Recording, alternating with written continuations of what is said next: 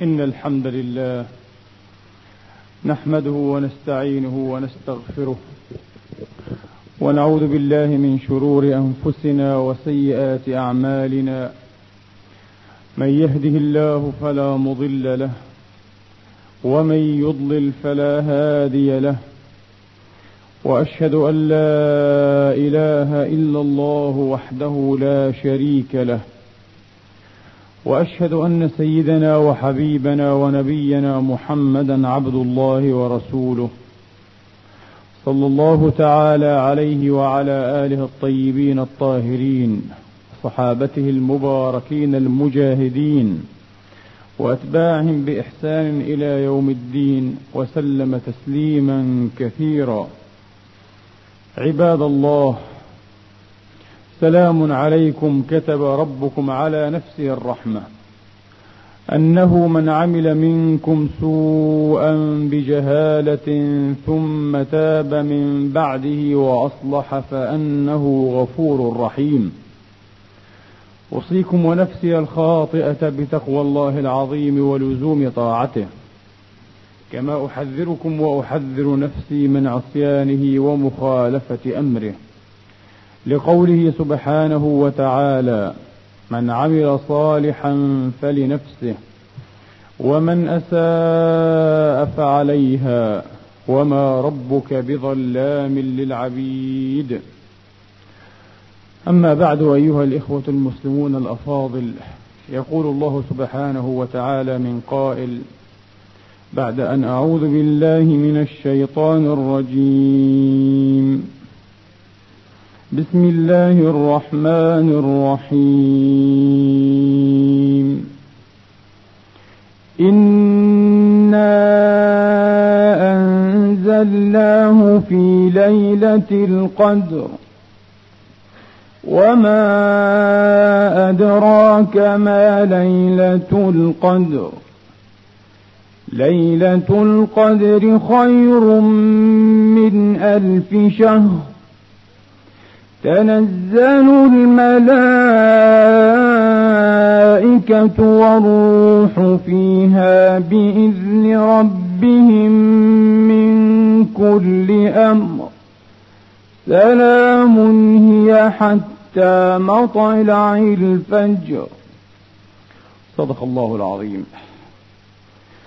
أيها الإخوة الأفاضل نحن اليوم في اليوم التاسع عشر من شهر رمضان الكريم الفضيل. فلم يبق إذا من هذا الشهر إلا عشره أو إلا عشره الآخر. هذا العشر الذي تتأكد فيه أو يتأكد فيه وجوب الاستزادة من صالح الأعمال. ما لا يتأكد في العشرين الماضيين. فإنما الأعمال كما تعلمون بالخواتيم. فهذا العشر هو خاتمة هذا الشهر الكريم. وعلى الراجح هذا العشر أيضا هو محل ليلة القدر التي هي خير من ألف شهر. على الراجح من أقوال العلماء. هذا العشر هو محل هذه الليلة. الليلة التي قال في فضلها رسول الله صلى الله عليه وآله وأصحابه وسلم وفيه ليلة من حرم خيرها فقد حرم. فيه ليلة من حرم خيرها فقد حرم كما أخرجه الإمام أحمد والإمام النسائي رحمهم الله. تقول السيدة عائشة يا إخواني فيما أخرجاه في الصحيحين. كان رسول الله صلى الله عليه وآله وأصحابه وسلم إذا دخل العشر. طبعا لغة يصح أن نقول العشر الآخر أو الأخير أو الأواخر. والعلماء مباحث في هذه المسألة. كان رسول الله عليه الصلاة وأفضل السلام إذا دخل العشر شد مئزره. وأحيا ليله وأيقظ أهله. بالذات في العشر الأواخر شد مئزره كناية عن عدم قربانه وكناية عن اعتزاله النساء. لا يصيب النساء في العشر الأواخر فهو الآن مرصود بكليته لأمر آخر. أيها الإخوة لو كان لأحد أن يتكل على ما أسلف من عمل صالح وما مهد لنفسه من القربات والمبرات والحسنات فلا يستزيد في أمثال هذه الأوقات الشريفة من الأعمال الصالحة لكان رسول الله هو أولى الناس بذلك أليس كذلك؟ إلا أنه عليه الصلاة وأفضل السلام وقد فضل على العالمين وبذ الجميع وسبقهم وفضلهم أيضا بعمله وقرباته وحسناته ودرجاته ومقاماته كان لا يترك نهزة كان لا يترك فرصة إلا ويستزيد فيها من الطاعات وخصوصا في مثل هذه الأويقات الشريفات لأنها أويقات وحية التقضي سريعة الزوال تمر سريعا. إي والله. فلقد مر ما مر من رمضان مر قرابة العشرين من رمضان وكأنهما يومان والله.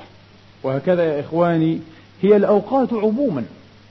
هكذا هي الأعمار هكذا هي الأعمار في دار البلاء تنقضي سريعا فالسعيد من وفق إلى أن يسلف وإلى أن يمهد لنفسه من صالح العمل. من صالح العمل. يوشك رمضان أيها الإخوة. أن يغلق هذا المعرض الأخروي معرض التجارات الأخروية. عما قليل وعما قريب سيغلق هذا المعرض أبوابه. ستنفض هذه السوق وسينصرف الناس فيها فريقين. فريق ربح وفريق خسر والعياذ بالله. وفريق خسر فالتوفيق بيد الله. وعليه المعول سبحانه أن يوفقنا. إلى ما فيه خيرنا ورضاؤه عنا. اللهم آمين. إذا كان الرسول يا إخواني يعتزل النساء شد المئزر وأحيا ليلة.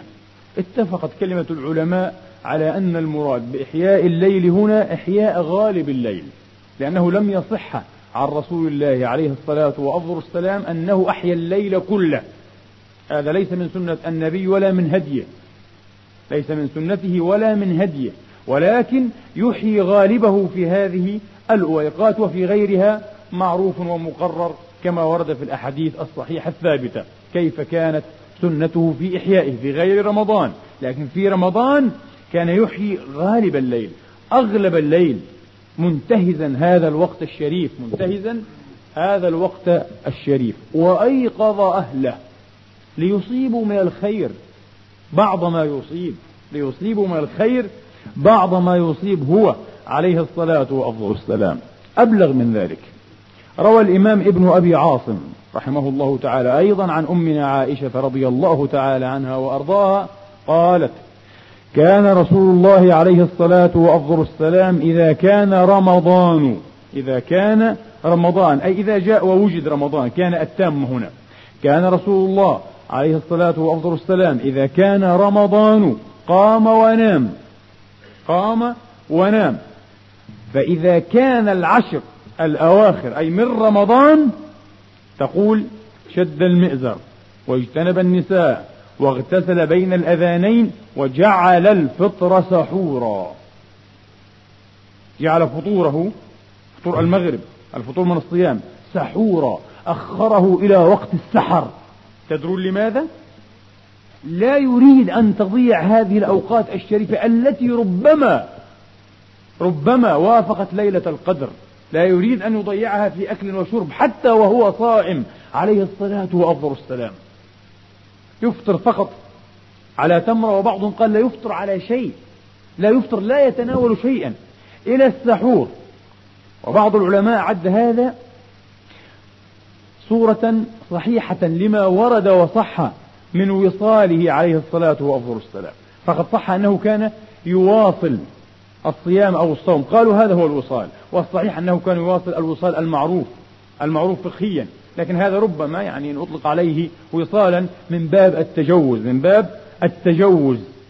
ولذا قال أحمد وإسحاق إسحاق بن راهوية رضي الله تعالى عنهما قال لا يكره الوصال إلى السحر أخذا بهذه السنة. لا يكره الوصال إلى السحر. لكن قال العلماء لمن قدر عليه أما من كان يضعفه هذا وربما عجز عنه فيكره له فيفطر كالمعتاد. لكن من قدر عليه فلا يفطر. له أن يواصل في العشر الأواخر إلى السحر فيجعل إيه؟ فطوره سحورا أي طعام السحور طعام السحور هو السحور بالفتح. فيجعل فطره سحورا عليه الصلاة والسلام. قال زر ابن حبيش رضي الله عنه وأرضاه وقد كان زر يرى أن ليلة القدر هي ليلة السابع والعشرين. هي ليلة السابع والعشرين. قال زر ابن حبيش إذا كانت ليلة السابع والعشرين فلا يفطرن أحدكم إلا على ضياح من لبن. يريد يؤخر إيه؟ إفطاره إلى وقت السحور. يؤخر. والضياح من اللبن هو اللبن الخاثر إذا مزج أو مذق بماء. إذا مذق بماء. قال الإمام الطبري أبو جعفر شيخ المفسرين والمؤرخين رحمه الله تعالى وكانوا يستحبون في ليالي العشر الأواخر أن يغتسلوا كل ليلة أن يغتسلوا كل ليلة ويتطيبوا ويتزينوا وهذا أخذا من قول أمنا عائشة في الحديث الذي خرجه ابن أبي عاصم ويغتسل بين الأذانين. وفيه أيضا حديث عن الإمام علي عليه السلام ويغتسل بين الأذانين تريد بين المغرب والعشاء. تريد بين المغرب والعشاء. يغتسل عليه الصلاة وأفضل السلام. لماذا؟ لأن منادمة الملوك خليقة بمثل هذا التزين والتطيب والتهيؤ والاستعداد. منادمة الملوك ليلة القدر التي هي خير أيها الإخوة من ألف شهر. قال بعض العلماء ومن ألف وألف فالعدد هنا لا مفهوم له. والأكثرون على أنه له مفهوم يعني من ألف شهر بالتمام والكمال. وهذا يزيد عن ثمانين عاما. هذا يزيد عن ثمانين عاما. فما معنى خيريتها وكونها خيرا من ألف شهر؟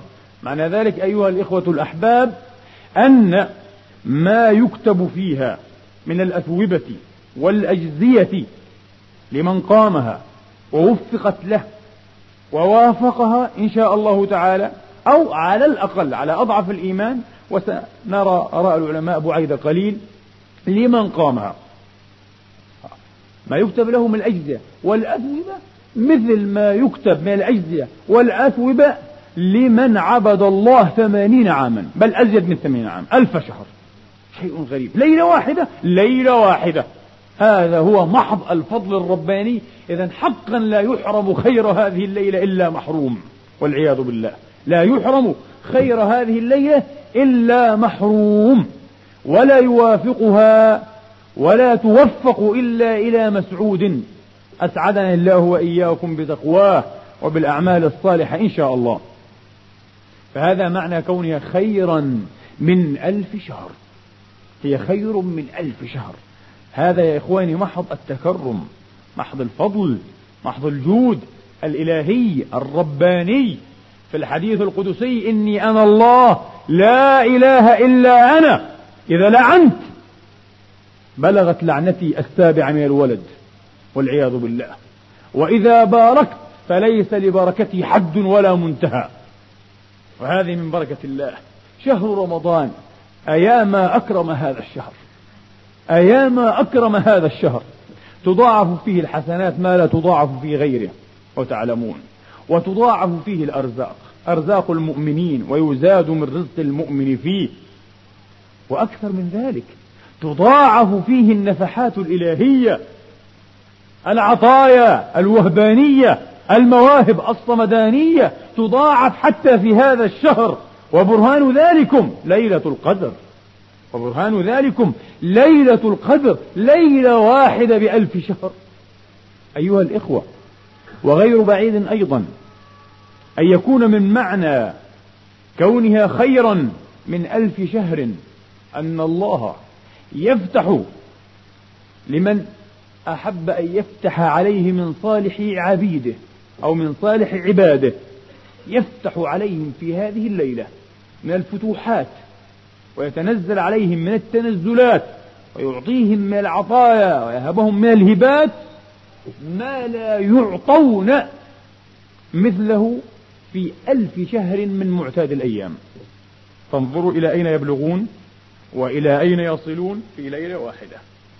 يعني يمكن أن يرتفع الإنسان الصالح في هذه الليلة إلى مرتقى بعيد سامق جدا وأن يصل مواصل بعيدة وليس بعجب وليس ببعيد فإن العناية إذا حلت ألحقت العاجز بالقادر. من لي بمثل سيرك المذلل؟ تمشي رويدا ثم تجي في الأول. العناية إذا حلت ألحقت العاجز بالقادر ألحقت العاجزة بالقادر فهذا أيضا معنى محتمل. من معنى قول الحق لا إله إلا هو خير من ألف شهر. ليلة القدر خير من ألف شهر. قد يفتح عليك أيها العبد المسعود ما لا يفتح عليك في ألف شهر من معتاد الأيام. في ليلة واحدة. نسأل الله ألا يحرمنا فضلها وألا يحرمنا أجرها وأن يوفقها لنا وأن يعظم, يعظم لنا فيها الأجر. اللهم آمين. أيها الإخوة يقول عليه الصلاة وأفضل السلام في الحديث الذي خرجه في الصحيحين من حديث أبي هريرة يقول عليه السلام من قام ليلة القدر إيمانا واحتسابا إيمانا بالله سبحانه وتعالى وتصديقا بموعوده وبكل ما جاء الخبر عنه سبحانه به واحتسابا أي طلبا للأجر فقط. لا مراءة ولا غير ذلك. يحتسب يكفيه. هو فقط مكتف بالأجر الذي عند الله لا يريد شيئا من الناس. هذا معنى الاحتساب. حسبنا الله ونعم الوكيل. أي كافينا كافينا من الخلق. في الله غناء في الله كفاء في الله وفاء. من كل الخلق ومن كل شيء إيمانا واحتسابا. غفر له ما تقدم من ذنبه. يريد الذنب السالف بعض الناس ذنوبهم سالفة في خمسين عاما تغفر. إذا قاموا هذه الليلة إيمانا واحتسابا. بعضهم ذنوبهم على مدى ثلاثين عاما بحسب عمر الإنسان. يغفر هذا الذنب كله إن شاء الله. بفضل الله بفضل الله. وهذا حديث صحيح ثابت. بل أخرج الإمام أحمد في مسنده من حديث عبادة ابن الصامت رضي الله تعالى عنهم وأرضاهم أجمعين قال قال صلى الله عليه وآله وأصحابه وسلم من قام ليلة القدر ابتغاءها. أيضا ليس لأي غرض آخر وإنما ابتغاء أن يصيب هذه الليلة وأن يتحصل على هذا الأجر الطائل على هذا الثواب الجزيل. من قام ليلة القدر ابتغاءها ثم وفقت له. وهذا تعبير نبوي. وقد يرى البعض أو بعض أن الأحرى أن يقال ثم وفق لها. لا التعبير النبوي وفقت له. كيف؟ كأن الأمر كله أيها الإخوة محض فضل إلهي. أليس كذلك؟ كأن الأمر أنت فقط جالس تنتظر. وقد توفق لك أو لا توفق. إذا محض فضل إلهي. ومن هنا هذا التعبير العجيب. وفقت له. وليس وفق لها.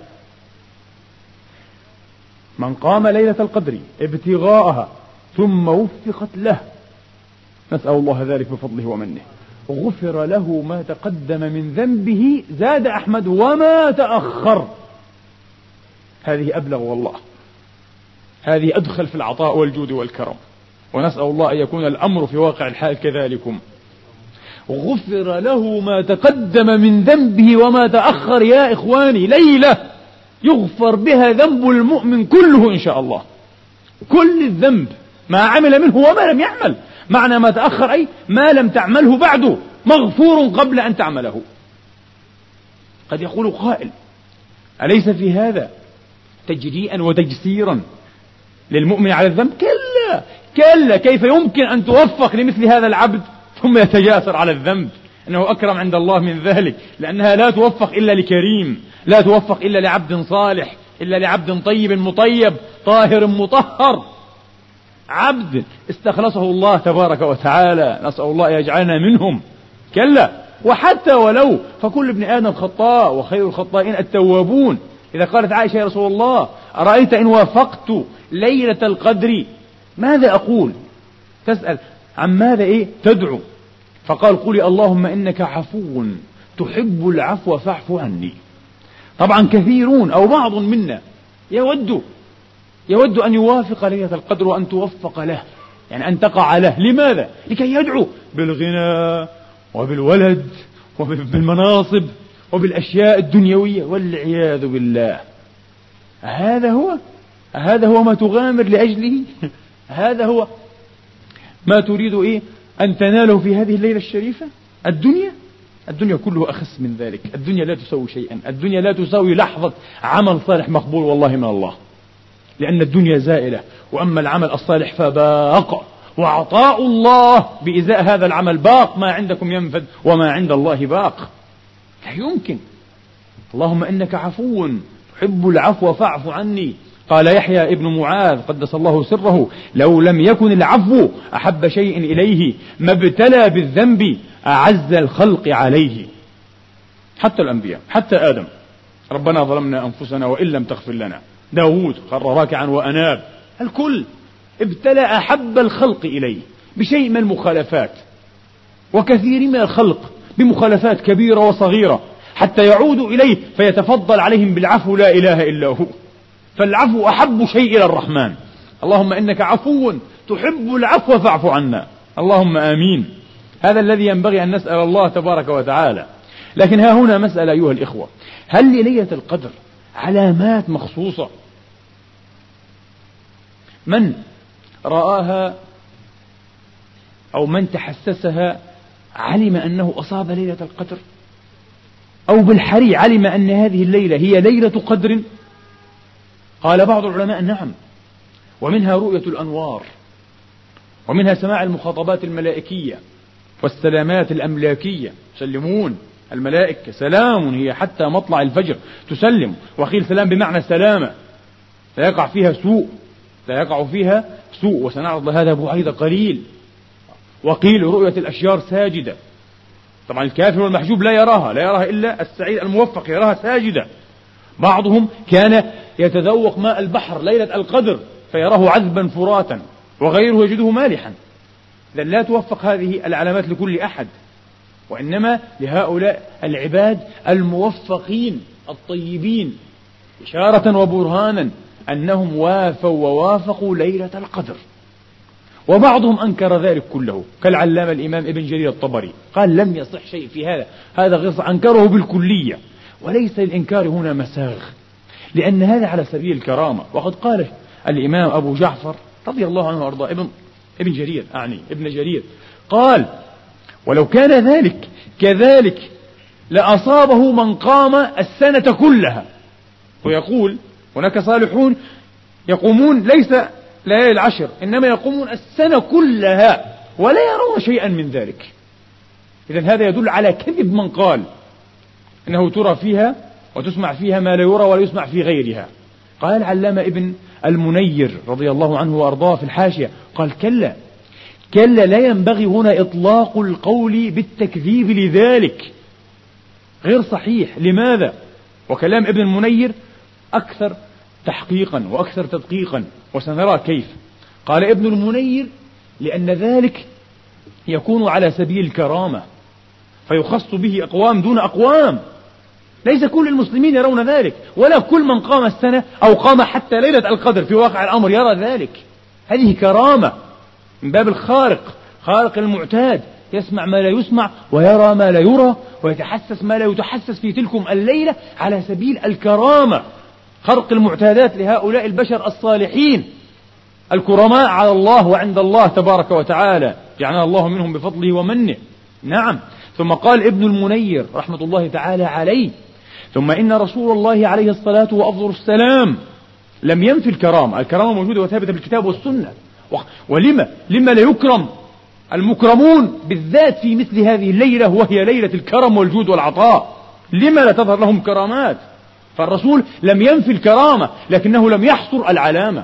صحيح. ففي حديث أبي سعيد الخدري كانت العلامة سنة إذ هي ماذا؟ هي نزول المطر. قال ابن المنير وقد نشهد أكثر من رمضان ينقضي رمضان بطوله ولا ينزل المطر. مع أننا نقطع أن في هذا إيه؟ الرمضان ليلة قدر. أليس كذلك؟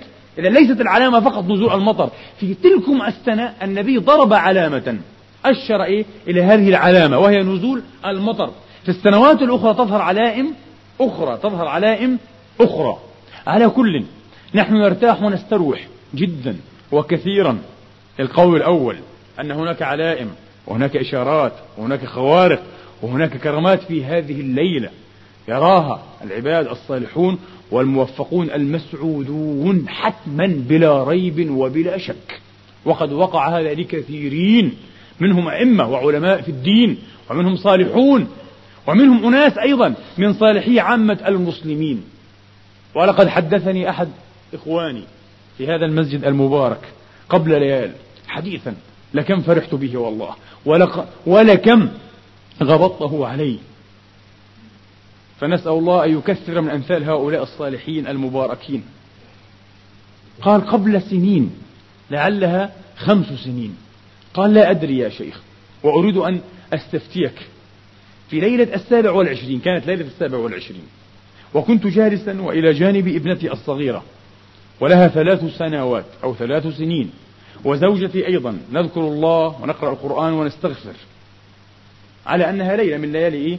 يعني التي يمكن أن تكون ليلة القدر أو تقع فيها هذه الليلة المباركة قال وفجأة قبل منتصف الليل سمعت كأن صوت نافذة فتحت فوق في السماء. لا أزال أذكرها إلى الآن. قلت نعم. قال وإذا بنور آسر وغامر عم الغرفة كلها. وليس نورا كالنور الذي نراه في هذه الدنيا. نور عجيب. له الله أكبر. ما شاء الله. تبارك الله. أرأته زوجه قال نعم. ورأته ابنتي وقالت يا أبتي ما هذا؟ ما هذا الذي دخل الغرفة قلت إنها لعائلة صالحة. ما شاء الله وفي ذلك فليتنافس المتنافسون. هذا هو هذا هو هذا هو السهر هذا هو التعب. لا سهر على التلفاز والمسلسلات والكلام الفارغ هذا هو.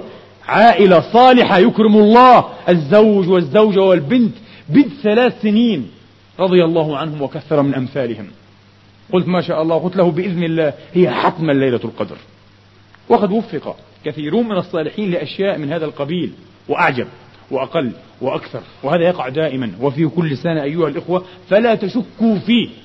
نحن لا نشك في ذلك أبدا بحمد الله تعالى. ولكن ها هنا مسألة أخرى.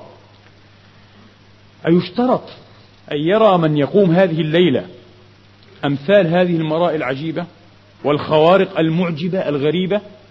أيشترط؟ أيشترط في حقه ذلك. لكي ينال ثواب الليلة؟ ذهب بعضهم كالعلامة القاضي أبي بكر بن العرب المالكي والعلامة الوزير المهلب والإمام ابن جرير الطبري وغيرهم إلى أنه لا يشترط ذلك. فقط من قام ليلة القدر إن شاء الله وليس من شرط أن يقومها كلها. يقوم قيام السنة يقوم أغلبها بإذن الله. من قام ليلة القدر فقد حاز ثواب هذه الليلة إن شاء الله تعالى. قال الحافظ ابن حجر العسقلاني أمير المؤمنين في الحديث في في كتابه الجامع في الموسوعة الحديثية فتح الباري شرح صحيح البخاري قال وذهب الأكثر أكثر العلماء إلى أن ذلك يشترط. نعم. حتى تنال هذا الثواب الجزيل الموعود به نعم يشترط أن تعلم أنها ليلة القدر وأن ترى أشياء وأن تحس أنها هي الليلة. لا فقط أن تقوم قال ذهب الأكثر. قال ابن حجر ويدل له قوله عليه الصلاة وأفضل السلام في صحيح مسلم؟ من قام ليلة القدر فوفقت له. فوفقت له. كيف يعرف؟ إذا لابد أن يعرف. مع أن هذا القول النبوي الكريم يحتمل أيضا فوفقت له في واقع الأمر أي في نفس الأمر لا أنه يعلم ذلك. هذا محتمل أيضا. لكن أيضا يدل لهذا القول الحديث الذي تلوناه على ما سمعكم قبيل قليل. حديث أحمد عن عبادة بن الصامت. يقول فيه عليه السلام من قام ليلة القدر ابتغاءها. من قام ليلة القدر ابتغاءها. فوفقت له. إذا أيضا هنا اشترط النبي بشكل واضح أن توفق له. الله أعلم. يقول ابن حجر الأكثر على ذلك الأكثر على ذلك. ثم قال الإمام الحافظ رحمة الله تعالى عليه ولكن هذا لا يعني أن من قامها لا ينال الأجر الجزيل والثواب الكبير ينال أجرا جزيلا وثوابا كبيرا. لكن الكلام في الأجر الموعود به. أجر عبادة إيه؟ ألف شهر كاملة. آه هذا لا يناله إلا من وفقت له الليلة وإلا من وافقها بحول الله وفضله. لكن كل من قامها إن شاء الله له أجر جزيل وثواب كبير والفضل عميم والفضل الإلهي عميم. وقد يكون القول الذي قال به الأقلون هو الأصح. الله أعلم في حقيقة الأمر والحال. في حقيقة الأمر والحال. فعلينا أن نجتهد. وعلينا أن نشد المآزر. وعلينا أن نرغب في هذا الفضل الإلهي الكبير بغير كسل أيها الإخوة بالذات في هذه الأيام والليالي الآخرة. في هذه الأيام والليالي الآخرة. قال سعيد ابن المسيب من شهد العشاء يريد في جماعة. لقوله شهد. من شهد العشاء يريد في جماعة ليلة القدر. أيها الإخوة استحب العلماء كالإمام عامر بن شراحيل الشعبي والإمام الشافعي أيضا استحبوا أن يجتهد في نهارها كما يجتهد في ليلها. تجتهد في الليلة ثم إذا أصبحت تجتهد أيضا في النهار. وهذا متفرع على مسألة هل يتبعها نهارها أو لا يتبعها؟ على كل حال نأخذ بالأحوط. فنجتهد في إيه؟ في نهار العشر الأواخر كما نجتهد في ليلها أيها الإخوة. نجتهد في الجميع نجتهد في الجميع. والأرجح أنها في هذا العشر والأرجح أنها متنقلة. لا تلزم ليلة بعينها. لا تلزم ليلة بعينها. تتنقل. وبالذات في الأوتار. قال عليه الصلاة وأفضل السلام التمسوها في العشر الأواخر. فإن ضعف أحدكم أو عجز فلا يغلبن على السبع البواقي. فإن ضعف أحدكم أو عجز فلا يغلبن على السبع البواقي. أيها الإخوة كيف نقومها؟ نقومها مصلين متهجدين داعين راغبين إلى الله متفكرين تارين كلامه الكريم. بعض الأئمة كالإمام سفيان الثوري قال الدعاء إلي في هذه الليلة أحب من الصلاة. كان يحب أن يدعو لا أن يصلي. الدعاء الرغبة إلى الله. ولكن رسول الله عليه الصلاة وأفضل السلام يا إخواني في ليالي العشر وفي كل ليالي السنة وكان يقوم كل يوم وهذا مطلوب منه هذا مطلوب وخاص لرسول الله مفروض على رسول الله خاصة ومن الليل فتهجد به نافلة لك أي خاصة لك. آه. ولنا مسنون ومندوب. النبي كيف كان يقوم الليل؟ كان يتلو ويقرأ قراءة بترتيل قراءة مرتلة لا يمر بآية رحمة إلا وقف وسأل الله ورغب إليه. ولا يمر بآية عذاب إلا وقف وعاذ أو استعاذ بالله سبحانه وتعالى. وهذا أفضل ما يمكن أن يعبد الله به في أمثال هذه الليالي. أن تصلي وأن تقرأ بترتيل بتفكر تجمع الفكر أيضا والتمعن وأن ترغب إلى الله وأن تطير إليه بجناحين من الرغب والرهب. من الرغب والرهب هذا الأفضل. ونحن مرتاحون إيه؟ لفعل رسول الله. وأيضا نحن مرتاحون لوعد الله تبارك وتعالى. فقد وعد الله تبارك وتعالى أن من شغله ذكري. وفي حديث آخر من شغلته تلاوة كتابي عن مسألتي. سواء كان ذكرا عاما أو سواء كان إيه؟ تلاوة القرآن الكريم. أعطيته أفضل ما أعطي السائلين. ولذا أحيانا أحس أنني أحب أن أقوم بعض الليل ولا أدعو بشيء. فقط أقرأ القرآن في الصلاة. لماذا؟ لهذا الوعد الإلهي. أنا ربما أدعو نفسي بشيء ولا يكون فيه الخير أليس كذلك؟ وربما لا يجاب وربما وربما أي في الدنيا لا يعجل جوابه. ولكن إذا قرأت أيها المؤمن القرآن وشغلك عن أن تدعو وترغب إلى الله بما يصلحك أعطاك الله أفضل ما يعطي السائلين. إذا فالأرجح إن شاء الله والأنجح والأظفر هو ما فعل الرسول. اتكاء على هذا الوعد الإلهي. نسأل الله تبارك وتعالى أن يسعدنا بموافقة هذه الليلة الشريفة الكريمة وأن يعظم لنا فيها الأجر. إنه ولي ذلك والقادر عليه. أقول قولي هذا وأستغفر الله لي ولكم فاستغفروه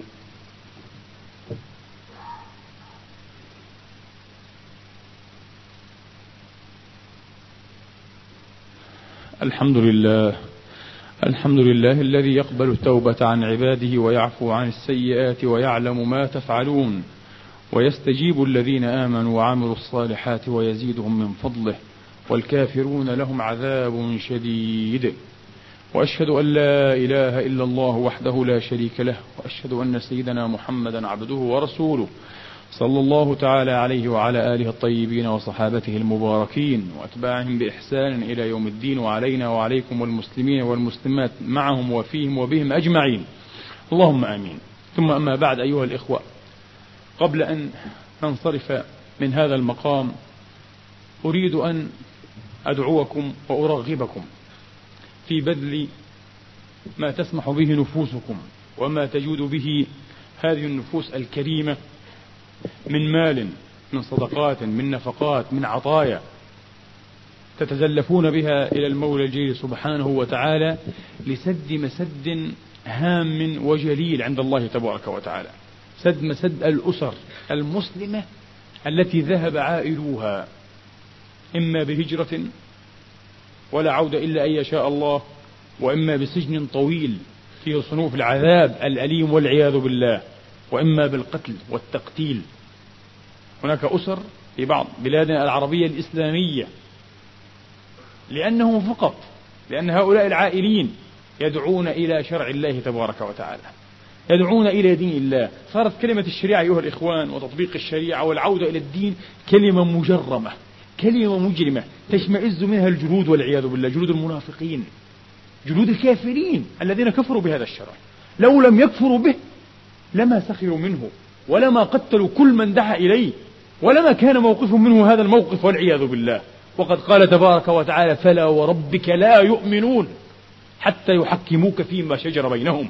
المرجع هو الله ورسوله. لابد أن نرجع في كل شؤون حياتنا إلى ما شرع الله وإلى ما شرع رسوله. بأمر الله طبعا. فلا وربك لا يؤمنون حتى يحكموك فيما فيما شجر بينهم. ثم لا يجدوا في أنفسهم حرجا. مما قضيت ويسلموا تسليما. قال الإمام أبو عبد الله جعفر الصادق عليه السلام قال والله الذي لا إله إلا هو لو أن أحدا وجد في نفسه حرجا يسيرا من قضاء الله أو رسوله لكان كافرا. فكيف بمن وجد الحرج كله؟ لا يجدون الحرج إلا في كلمة الشريعة وتطبيق الشريعة والقرآن والسنة والفقه الإسلامي. يجدون كل الحرج وكل الضيق.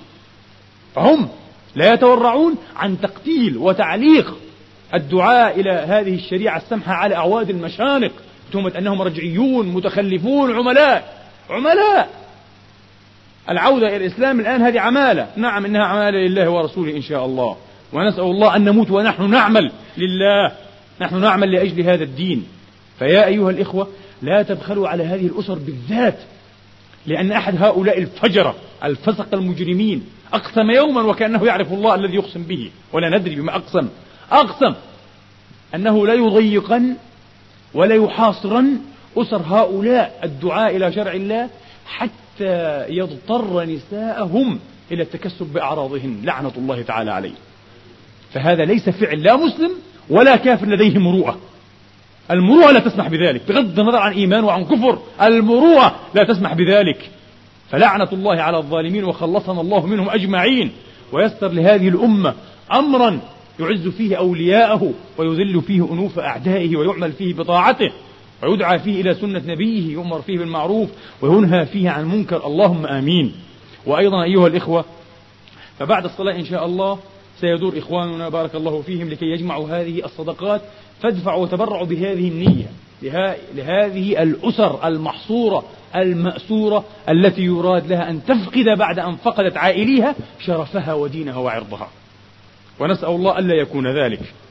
أيضا لا يفوتنا أيها الإخوة أن أنبه إلى أن الجمعة القادمة ستكون الجمعة الأخيرة في هذا الشهر الكريم.